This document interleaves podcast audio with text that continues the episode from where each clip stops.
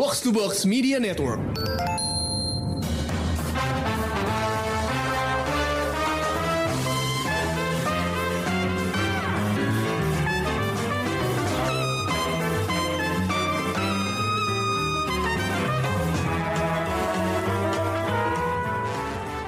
Halo pendengar Showbox, balik lagi bareng gue Amy di episode Out of the Box Agustus.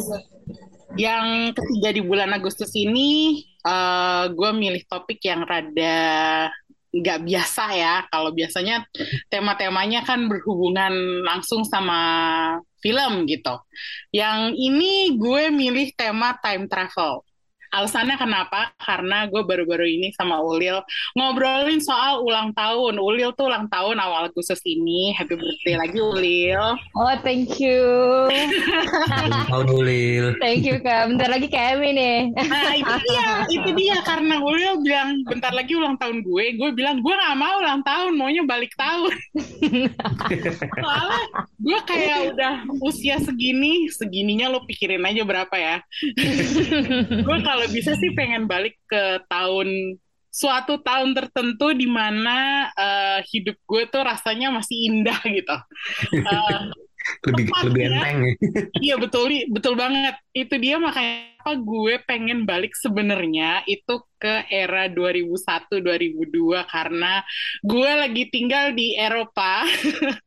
gue lagi sekolah di Itali. Jadi uh, of course gue pengen balik ke era itu di mana gue apa ya mendapat banyak pengalaman hidup lah intinya.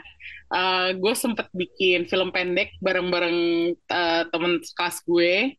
Terus gue pernah keting hampir ketinggalan bus dari Roma ke kota gue Siena. Jadi gue harus lompat di depan bus itu untuk eh, bisa naik busnya supaya gue nggak terdampar di Roma pada saat eh, aksi mogok kerja para buruh.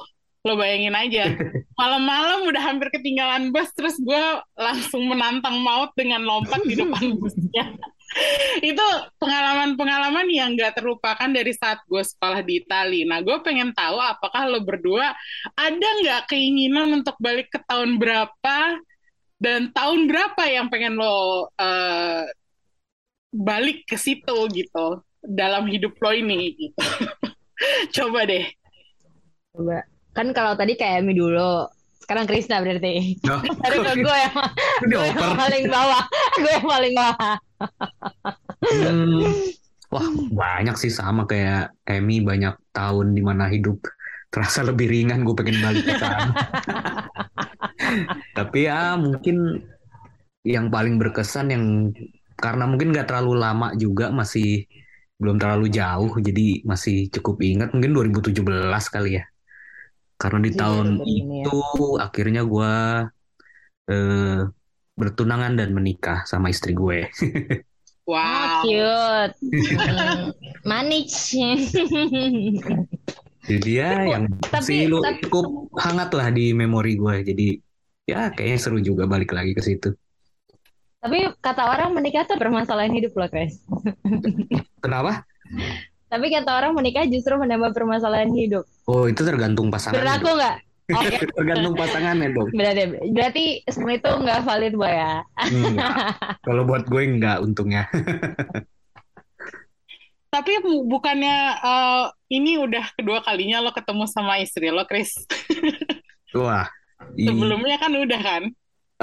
Tapi kan yang dulu belum ada apa-apa.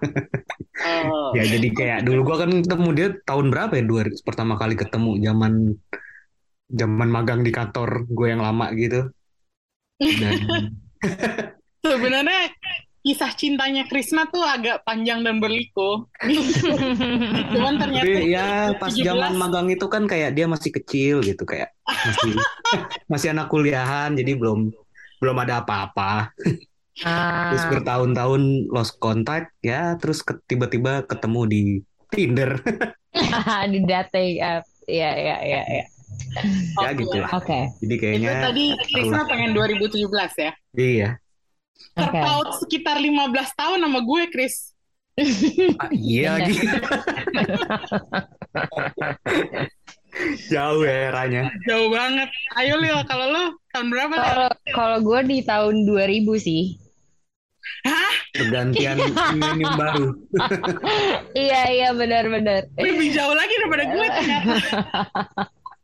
Gue di tahun 2000 karena eh, pada umur segitu gue benar-benar menikmati eh, film di bioskop. Kayak Oh ya? apa ya? Iya iya. Jadi itu benar-benar bioskop adalah sebuah uh, tempat baru buat gue yang gue udah bisa mencerna gitu loh nonton film apa. Terus dia banyak film yang hiasi masa kecil gue lah di situ. Mau dibilang teenager belum teenager tapi si bocil gitu. Jadi cukup cukup memoris lah buat gue. Tapi dulu di di tahun segitu biasanya lo nonton di bioskop sama siapa? ditemenin sama ibu bapak gue masih sih Masih ya? pasti. Iyalah Jadi filmnya sesuai umur dong. sesuai bener bener film sesuai umur bener bener bener bener Wah, Oh, good berarti parenting. lo dibolehin nggak nonton film yang agak dewasaan dikit gitu sama orang tua lo? Kalau diajak ke bioskop enggak. Tapi kalau Hmm. misalnya nih lagi nonton, dulu tuh kan ada yang film bioskop tayang di TV gitu Oh, kan. TV ya. Atau atau enggak bokap gue beli eh, VCD original. Zaman VCD, oh my god. VCD original terus nonton hari Sabtu nonton bareng-bareng kalau ada yang adegan dewasa mata gue ditutup. Terus Oh, Ya, jadi itu membuat gue awkward sih pas gede kayak hmm, kayaknya nggak harus ditutup deh dijelasin. Aturan nggak apa-apa nggak sih gitu. Oke. Nih udah jelas nih, Ulil pengen balik ke 2000, gue pengen balik ke 2001, 2002, Krisna pengen ke 2017. Sekarang gue pengen tanya, ada nggak film yang lo tonton di tahun itu yang sampai sekarang masih memorable atau justru film yang lo menyesal nggak pernah nonton di tahun rilisnya gitu dan baru nonton bertahun-tahun kemudian? Ada nggak yang kayak gitu? Hmm, berhubung gue waktu itu masih bocah ya saya Angel sih apa? Charlie's Angels yang pertama. Wah, di luar Oh. ini dong di atas rating umur lo dong. iya kan karena gue belum bisa nonton pada saat itu. Jadi kayak ini apa sih apa sih? gitu. Terus kayak teman-teman gue di sekolah yang zaman bocah gitu iya kita Hmm. Charlie's Angel hmm apaan ya gue gitu kayak Keren kali ya maksudnya lu kayak ngelihat cewek-cewek jadi jagoan gitu iya kan. iya pada masa itu kan tapi nggak bisa nonton akhirnya ya udah beberapa tahun kemudian setelah agak dewasa agak remaja dikit baru nonton Hmm. Oh, berarti orang tua lo rada ke- rada strict juga ya, Lil ya? Ya. iya lumayan itu tuh gue nggak boleh nonton TV di atas jam 9 tahu dulu dulu waktu nonton Meteor Garden jam 10 jam 11 gue tuh colong-colongan Berarti lo nonton kalau nonton layar mas nggak pernah selesai dong. lah iya iya benar benar nggak Pas break berita iya dunia dalam bete. berita lu tidur dong. Bete, iya nggak boleh tuh. Ayo anak kecil bobo jam segini nggak boleh nonton ya. Oke tidur. Berarti film yang yang lo lewatkan cuman Charlie's Angels doang atau ada lagi nggak film yang lo pengen nonton tapi nggak boleh nonton gitu? Pengen nonton pada zaman itu, itu sih sama Gladiator karena bunuh-bunuhan Oh. kan waktu itu. Masuk crow. Iya. Kalau itu tuh- kalau itu sih mendingan jangan deh. Gue aja nonton udah dewasa aja masih suka. Aduh. Eh, gitu. itu sih. Kalau Krisna gimana, Kris? Wah, kalau 2017 masih baru sih ya. Jadi filmnya eh, salah satu film favorit gua di tahun itu tuh eh, Blade Runner eh, 2049 sih. Kayak Oh. karena itu kan sequel dari eh, apa ya sci-fi legendaris yang penting banget di masanya gitu kan, yang Hmm. Ya, influensial gitu. Terus kayak dari tahun 82 baru ada sequelnya 2017 gitu kan. Jadi sebenarnya barnya juga lumayan tinggi gitu kan. Dan ternyata hasilnya tuh justru jauh lebih bagus menurut gua. kan Hmm. itu kayak sesuatu yang langka kan sequel sci-fi dari apa yang udah sangat influensial ternyata bisa dilewati gitu kan nah itu jadi kayak gue inget waktu nonton itu lumayan terpukau sih sama hasilnya di bioskop dan waktu itu emang harus ditonton di bioskop banget kan karena visualnya kan gila banget kan Lu nonton di IMAX ya waktu itu? Soalnya itu kan zaman zamannya oh iya iya masih IMAX Mm-mm. tuh masih di ya meskipun udah dari beberapa tahun sebelumnya tapi kan IMAX Mm-mm. kehadiran IMAX tuh benar-benar waktu itu kan dielu-elukan Iya. banget gitu Kan kalau ini kan reputasinya juga karena ini kan. Salah satunya kan karena DOP-nya kan Roger Deakins juga kan. ya Nah, jadi kayak wah Roger Deakins bikin sci-fi kan jarang gitu. Kayak hmm, nggak boleh dilewatin juga di layar sebesar mungkin gitu kan. Hmm, iya sih Hmm. sebenarnya kalau dibandingin film-film kalian film-film gue tuh rada complicated ya Soalnya di 2001 gue inget banget gue nonton Lord of the Rings yang pertama, Fellowship of the Ring. Dan itu pengalaman nonton yang gue nggak bisa Di lupa. Itali dong. Iya, gue Hmm. nonton dalam bahasa Itali di dubbing. karena filmnya di dubbing. Ya Roma tuh orang rajin banget ngedubbing. Daripada Hmm. pakai subtitle, mereka lebih suka dubbing kan. Iya. Jadi gue nonton film yang gue nggak ngerti ininya apa. Itu tiga jam filmnya, gue nonton malam-malam dan harus ke bioskop khusus karena di kota gue tuh nggak ada cineplex gitu loh, kayak multiplex gitu nggak ada gitu. Jadi biasanya Hmm. satu bioskop cuma muter satu atau dua film. Oh, Siena terhitung kota kecil ya. Iya, terhitung kota kecil dan eh, jadi bioskopnya misah-misah gitu. Eh, Hmm. dan gue harus jalan rada jauh untuk sampai ke bioskop itu. Sampai pas gue duduk di sana, gue baru nyadar bahwa nih kursinya nggak pakai nomor pula gitu kan. Oh, jadi ini uh, first come first serve gitu. Iya, betul. Oh. Udah gitu eh, layarnya bukan IMAX gitu, hanya kayak di teater biasa aja. Dan eh, bahasanya bahasa Italia of course. Terus tiba-tiba di tengah-tengah film filmnya berhenti dan kita disuruh istirahat. Intermission gitu. In- intermission, benar. Oh iya tiga jam ya kan Fellowship Ya, Ring, kayak ya. semacam di teater beneran atau di opera gitu. Dan apa? gue tanya sama teman-teman gue yang orang Italia yang waktu itu ngajakin kita nonton. Mm-mm. Gue tanya emang kayak begini ya biasanya? Oh biasanya nggak kayak gini sih. Cuman ini karena filmnya tiga jam, Oh, jadi Di atas dua jam kali ya. Ah, ah. Terus gue tuh sampai gue tuh sampai pulang-pulang ke Indonesia waktu itu beberapa bulan setelah gue pulang gue punya DVD-nya kan yang Hmm. uh, ada DVD extended edition terus di situ gue nonton terus gue baru paham ini tuh maksudnya apa filmnya Dulu belum baca novelnya waktu itu ya. belum belum baca sama sekali Uh, berarti bener-bener blank gitu nontonnya. Keren banget. Jadi lo bayangin aja gue waktu itu masih mahasiswa dan gue ya oke bahasa Itali gue waktu itu udah lumayan eh, cepet paham gitu ya istilahnya gue eh, termasuk untuk waktu itu orang-orang bilang untuk ukuran orang Asia gue termasuk cepet belajar bahasa Italinya gitu. Oke. Tapi gue dikasih tontonan serumit Fellowship of the Ring, ya of course nggak masuk juga lah ya. Maksudnya Hmm. di Iya. di otak gue apalagi gue nggak kenal universe-nya gitu sampai Iya, itu akhirnya gue pembuka lagi kan. iya terus udah gitu akhirnya setelah gue baru tahu ini tuh ceritanya tuh kayak begini dan gue akhirnya nonton film kedua ketiga gue akhirnya jatuh cinta banget cuman itu semua diawali dengan pengalaman nonton di bioskop yang sungguh aneh kalau menurut Itu di situ lo akhirnya sadar gak kalau bioskop di Indonesia tuh bagus. Betul, betul banget. Gue eh, membandingkan ini udah ke beberapa negara. Waktu itu gue di Swedia juga sempat nonton di bioskop. Eh, ternyata di negara seperti Swedia sekalipun bioskopnya nggak sanggup ngalahin bioskop Indonesia. Di Dan Australia, ya. Indonesia itu bioskopnya keren banget sih.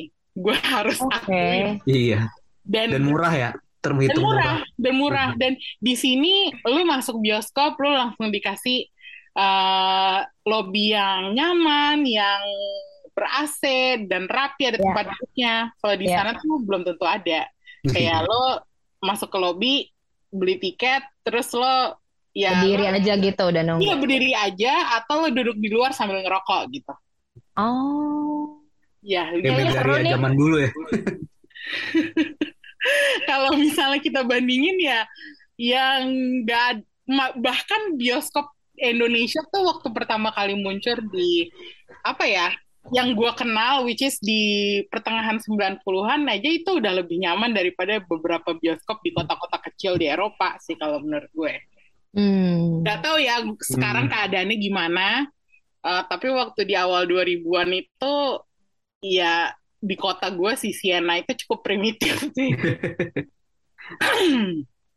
Sorry to say, maksudnya kotanya sih indah banget, cantik banget, cuman kalau ke bioskop jauh lah dari sini. Oh, Oke, okay. emang disuruh mandangin kotanya aja ya? Iya, yeah. lo liburan ke sana nggak usah ke bioskop. Iya, itu untuk warlock aja bioskopnya. betul betul. Nah tapi ini gue pengen ngomong ini sekarang soal nostalgia ya. Kayak nostalgia itu sepertinya bisa bikin sebuah film jadi terasa lebih indah. Kayak kalau gue mikir-mikir ulang nih, gue sebenarnya lumayan suka sama film Transformers dari 2007 yang pertama. Yang pertama. Pertama banget. ya, meskipun semua orang banyak kesel sama tuh film gitu, tapi karena gue nontonnya bareng keluarga gue dan uh, apa ya?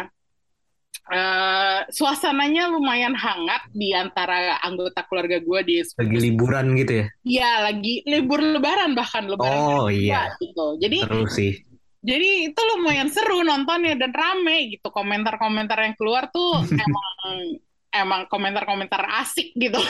Tapi itu lo pertama kali nonton atau enggak, udah bioskop udah pertama kali nonton. Tapi uh, itu nonton kedua kalinya kalau nggak salah. Jadi masih apa ya? Gue belum bosen mm -mm.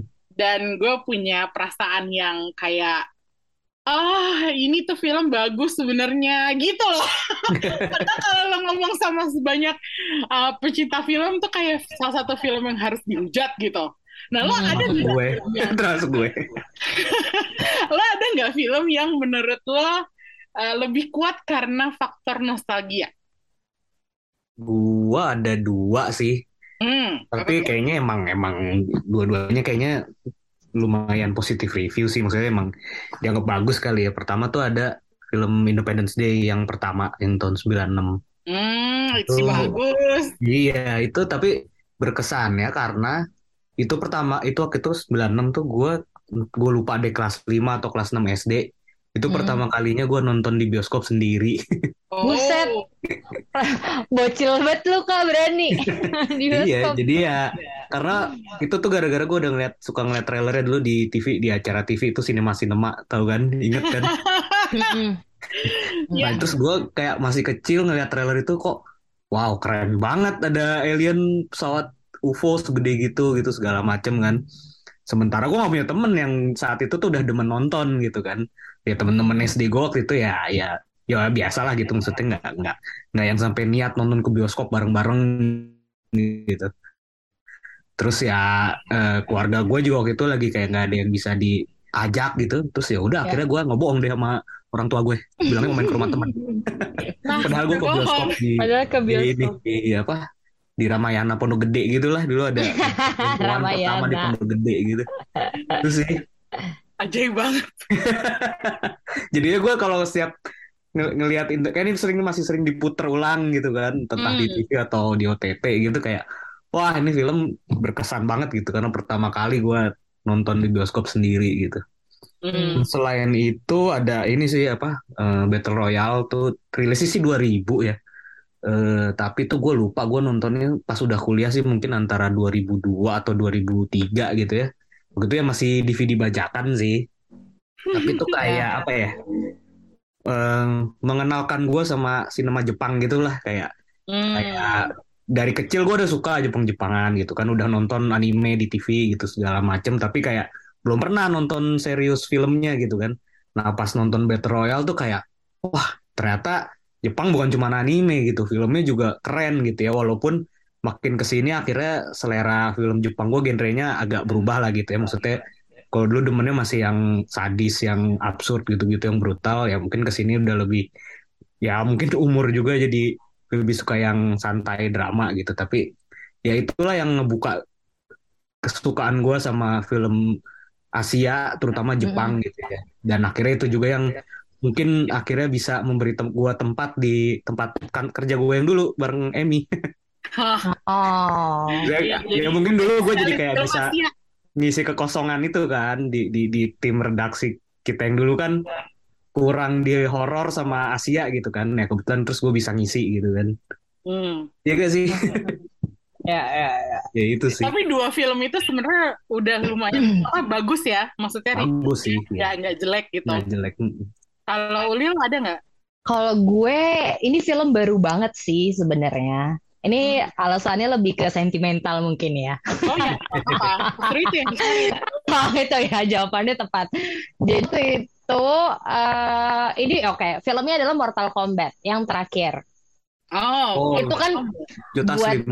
Jota Lim. Jadi waktu itu masih punya pacar, terus kayak mantan gue suka film ini, terus kayak eh gue dapet nih di pemutaran screening pertama nonton yuk. Bah, eh gue suka banget Mortal Kombat kata dia gitu. Ya udah kita nonton sama teman-teman gue. Terus kayak eh ternyata teman-teman gue pun dan dia tuh sangat suka banget sama si Mortal Kombat ini. Gue gue cuman tahu Hmm. itu kayak game aja gitu kan. Mm. Maksudnya nggak sedalam uh, anak geng anak geng ini. Terus kayak sepanjang film gue menikmati gitu, menikmati. Terus tapi kok gue ngeliat mukanya sebelah gue kurang kurang seneng gitu ya kan. Ngintip belakang kok kurang seneng nih muka-mukanya gitu. Heeh. Terus akhirnya pas nonton film, ah kenapa gini sih? Terus kayak semuanya tuh bilang gitu. Gue yang hah bagus kok. gue "Hmm, bagus kok. Bunuh-bunuhannya oke sih walaupun ada beberapa yang dikat ya gitu. Tapi kayak yang pada suka Mortal Kombat banget, yang ngikutin gamenya dan segala macam itu kayak harusnya tuh nggak gini gitu nggak. Oke, oke, gue gue menciut gitu. Oke, jadi nggak bagus nih. Tapi keren ah menurut gue, gue bilang gitu. Jadi kayak karena mungkin gue nggak ngikutin gamenya, gue nggak tahu Hmm. Puris seberapa itu puris. Iya kan? Nggak tahu seberapa sadisnya gitu. Jadi apa yang kemarin eh, apa namanya tayang, gue kayak ya gue gue menikmati aja gitu. Oh gini Mortal Kombat tuh gini. Oh ada si karakter ini segala macam dan apa keahliannya tuh ini ini cara ngebunuhnya gitu. Gue suka karena gue suka film bunuh-bunuhan gitu kan. Maksudnya oh ternyata para penggemarnya kecewa sobat. Gue yang kayak oke. Kalau gue ada juga tuh film yang dikritik sama purist, tapi gue suka banget dan gue kayak merasa ini tuh sentimen berlebih dari gue kali ya yang bikin gue suka sama filmnya dan itu berhubungan sama pengalaman gue waktu di Italia itu gitu. Oke. Filmnya Oh, tuh itu. film-film The Hobbit, trilogi The Hobbit. Oh, Itu kan Oh, banget iya kan. iya, ya Iya, benar-benar. sama fansnya bukunya tuh orang-orang pada nggak suka Iya, gitu karena bener. terlalu berlebihan gitu. Pada marah-marah. iya betul. di- Nah, dipan- dipanjangin justru. ya.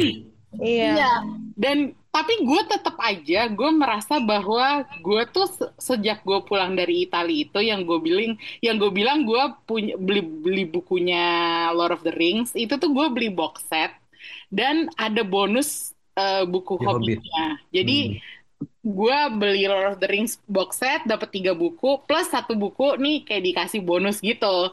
Dan buku Oh, Oke. pertama yang gue baca itu bukan Lord of the Rings yang Fellowship of the Ring, tapi justru gue baca duluan adalah The Hobbit. Hmm. Dan gue justru jauh lebih suka sama ceritanya The Hobbit kayak karena kayak dongeng. Lebih Dongeng petualangan gitu ya, lebih ringan. Ceritanya simple, bahasanya indah gitu. Terus Mm-mm. begitu filmnya keluar, gue merasa, aduh ini tuh kayak dreams come true banget gitu. Hmm. Tapi Oke. orang-orang pada nggak suka dan dan gue gue paham sih kenapa mereka nggak suka. Cuman tetap aja gue kayak merasa ini, ah ini tuh Jadi- itu lucu banget gitu. Jadi lu nggak ini ya nggak bermasalah dengan perubahan-perubahan yang ditambahin gitu ya di. Bermasalah sebenarnya. Tapi udah nggak penting gitu, yang penting ada ya. Udah nggak penting. Penting nonton. Betul. Jadi Jadi ada karena filmnya gitu. gue Iya. merasa lebih berterima kasih bahwa ada yang bikin filmnya Ah, oke. daripada filmnya tuh jelek gitu loh. Iya betul sih. Iya nggak jelek juga kan sebenarnya. Iya, nggak jelek sebenarnya. Cuman kan kalau misalnya sekarang diomongin tuh kayaknya dosa besar gitu yang dibuat sama Peter Jackson terhadap karya-karyanya Tolkien gitu. Padahal sebenarnya nggak juga gitu kan. Kayak ya ini aja gara-gara orang sekarang sering ngebanding-bandingin sama serial Amazon Prime yang bakal rilis, jadinya merasa wah ini dosa banget nih Peter Jackson bikin The Hobbit gitu. Hmm. Jadi ya itulah kayak sentimen kita sama sih Ulil terhadap Mortal Kombat itu lumayan sama kayak ya udahlah bodo amat lo mau ngomong apa Iya, iya. Nggak sih kayak pokoknya yang penting Iya, sentimen Ini kita tuh terhibur kan? iya Hmm. terhibur dan positif bagi kita gitu. Dan kita tahu jadinya, oh ada ini, oh ini tuh gini gitu. Iya, jadi gue rasa sih kayak dalam ngejudge sebuah film ya kalau menurut gue faktor sentimentalitas atau nostalgia yang yang hangat gitu itu juga nggak bisa di di apa ya dilupakan gitu loh. Iya meskipun betul. kita gue sama Krisna terutama ya sebagai reviewer film berusaha seobjektif mungkin kayaknya kadang-kadang tuh ya nggak bisa aja Nggak bisa juga. eh. iya karena faktor Yang penting kita tahu apa yang kita omongin aja kan. Ya, dia makanya. Jadi begitulah bahasan kita kali ini tentang time travel ke masa lalu ke tahun 2000-an, tahun 90-an, Mm-mm. bahkan ke tahun eh, 2017 yang baru aja lewat ke sana. Um, itu dia bahasan kita kali ini. Eh, sampai ketemu di episode terakhir untuk OTB Agustus. Eh, see you. Bye-bye. Bye-bye. Hai. Remi yang Oke. Bye-bye. Thank you guys. Bye. thank you, bye-bye.